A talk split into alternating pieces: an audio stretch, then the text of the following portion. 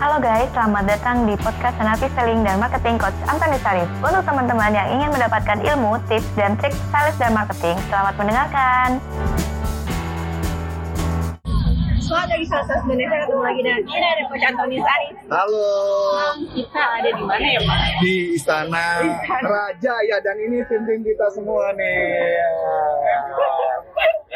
Nah, hari ini kita mau bahas apa nih Kita kayaknya? mau membahas pertanyaan-pertanyaan mengenai B2C dan B2B. Apa sih Ah. B2C, apa sih B2C? B2C dan B2B. ya, Dan beda apa? jualannya gimana? Cara jualannya gimana? Oke, Coach. Sebelum kita tanya-tanya perlakuan apa kalau kita B2B, B2C, apa sih B2B, apa tuh Nah, B2C? ini makhluk makhluk Apa? aneh, Makhluk apa? biskuit Iya, atau apa ya? Enggak, eh Nah, salah. eh, itu bukan sponsor Iya, ya. bukan. Nah, kalau mau sponsor regal boleh ke kita juga ya. Oke, B2B apa itu B2B? B2B adalah business to business. Jadi kalau saya jualan ke Iren, eh, jualnya ke corporate, itu artinya business to business. Atau saya jualan ke Iren, tapi Iren buat jual lagi, itu juga B2B. Oke, jadi kalau saya jual lagi kayak agen atau Ah, ah, ah, itu kategori B2B. Jadi B2B baik bisa jual barang ke corporate, gitu ya, barang corporate yang besar, gitu, atau bisa juga jual barang tapi bentuknya grosiran, itu juga B2B. perbedaannya. Perbedaannya kalau B2C jualannya langsung ke user tapi biasanya retail. End user tapi retail. Produk-produk retail biasanya B2C. Jadi kayak contoh, sales jual mobil berarti B2C. Self Ah, ke user ya, uh, sales jual apa perusahaan mobil jual mobil tapi ke dealer itu berarti B2B. Iya, oke bisa. Biasanya teman-teman nih apa nih coba komen di bawah teman-teman jualannya apa? Ah, B2B atau B2C ya. Iya. Tapi kalau kita udah tahu, kita tahu banyak yang mana, kita kan bisa lebih enak lagi bikin videonya. Betul, betul, betul. Gitu. Nah kalau misalkan perlakuannya itu beda nggak? Nah, ini menarik.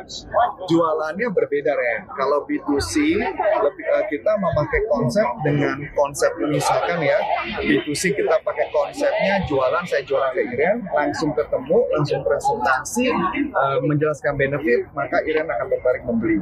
Dan biasanya berhadapannya cuma satu lawan satu. Oh, satu lawan satu. Iya, kalaupun nggak satu lawan satu, mungkin saya sendiri, tapi bisa aja customernya bawa suami, suami istri berdua.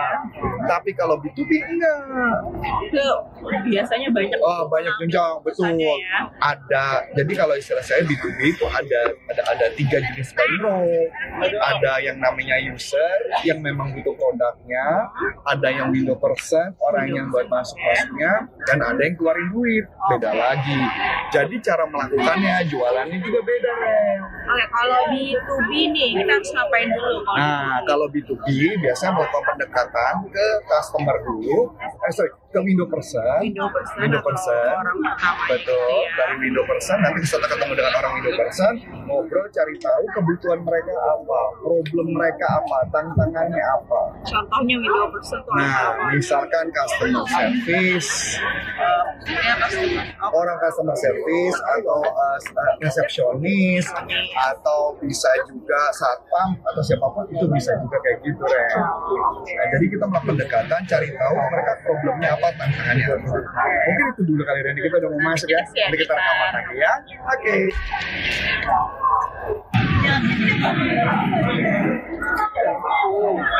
kita mau masuk ke apa nih ya bacanya? Kayak apa ya? Ya begitulah. Kayak mirip kayak gini nih. Ya masuk ya. Setelah kita ke window person? Nah, setelah window person, setelah tahu problem-problemnya, maka lanjutkan mencari minta ketemu siapa usernya yang butuh produk tersebut yang ketika misal mereka tidak bisa menyelesaikan maka mereka akan jadi problem. Nah, di situ adalah kita melakukan riset tentang mereka, cari tahu apa kebutuhan mereka, baru kita konekkan ke produk. Kebanyakan sales pasar ngapain? Langsung presentasi dan itu adalah kesalahan. Oke, berarti itu udah clear untuk B2C ya. Dan gitu ya. Oke.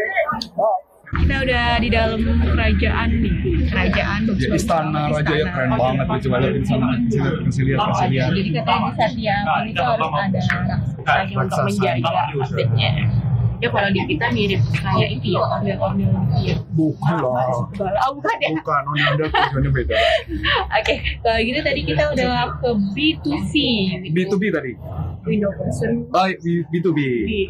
B2B tadi. oh ya B2B berarti kita ke B2C sekarang jadi kebalikan Wajar wajar karena kita sambil jalan mikirannya sambil mikirin konten ya. Nggak apa-apa. Customer. customer Iya. jadi langsung gimana tuh kalau langsung Nah. berarti udah banyak dong videonya harusnya Betul. Jadi jualannya secara langsung ketemu customer langsung aja. Nah, kalau handling objection B2C jauh lebih mudah Rem. karena Langsung masalahnya langsung ke customer. Kalau B2B orang sudah mau beli saja bisa batal beli. karena salah satu dari Betul. mereka nggak bisa eh nggak memutuskan untuk pakai kita gitu kan Nanti mungkin suatu saat kita akan buat konten khusus B2B ya. Karena B2B tidak terlalu simpel sederhana. Karena bukannya membuat orang percaya satu orang, tapi membuat percaya banyak orang. jadi intinya sebenarnya sih B2B B2C sebenarnya tahap-tahapnya mirip cuma kalau B2B itu kita harus ada window personnya ada window person Ada usernya, ke usernya terus baru ke ke orang yang bayarnya.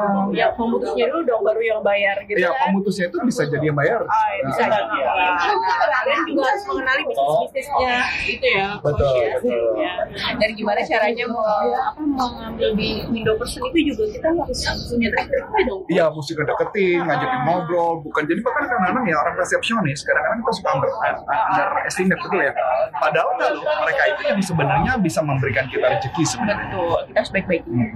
Kayaknya kontennya cukup begini aja. Iya ya. cukup gini aja. Nanti kalau misalkan memang ada opsi kita bikin lagi. Tapi kalau enggak mungkin ini yang terakhir. Terakhir, ya. ya. Kalau gitu, thank you udah lihat video kita dan jangan lupa di like, share ke seluruh teman-teman kalian. Dan apalagi saya Iren. Dan saya Kosan Anton Syarif mengucapkan terima kasih dan sukses buat Anda dan sampai jumpa. Salam performa. Bye-bye. Nah, untuk teman-teman yang sudah menerangkan, terima kasih ya dan nantikan podcast selanjutnya.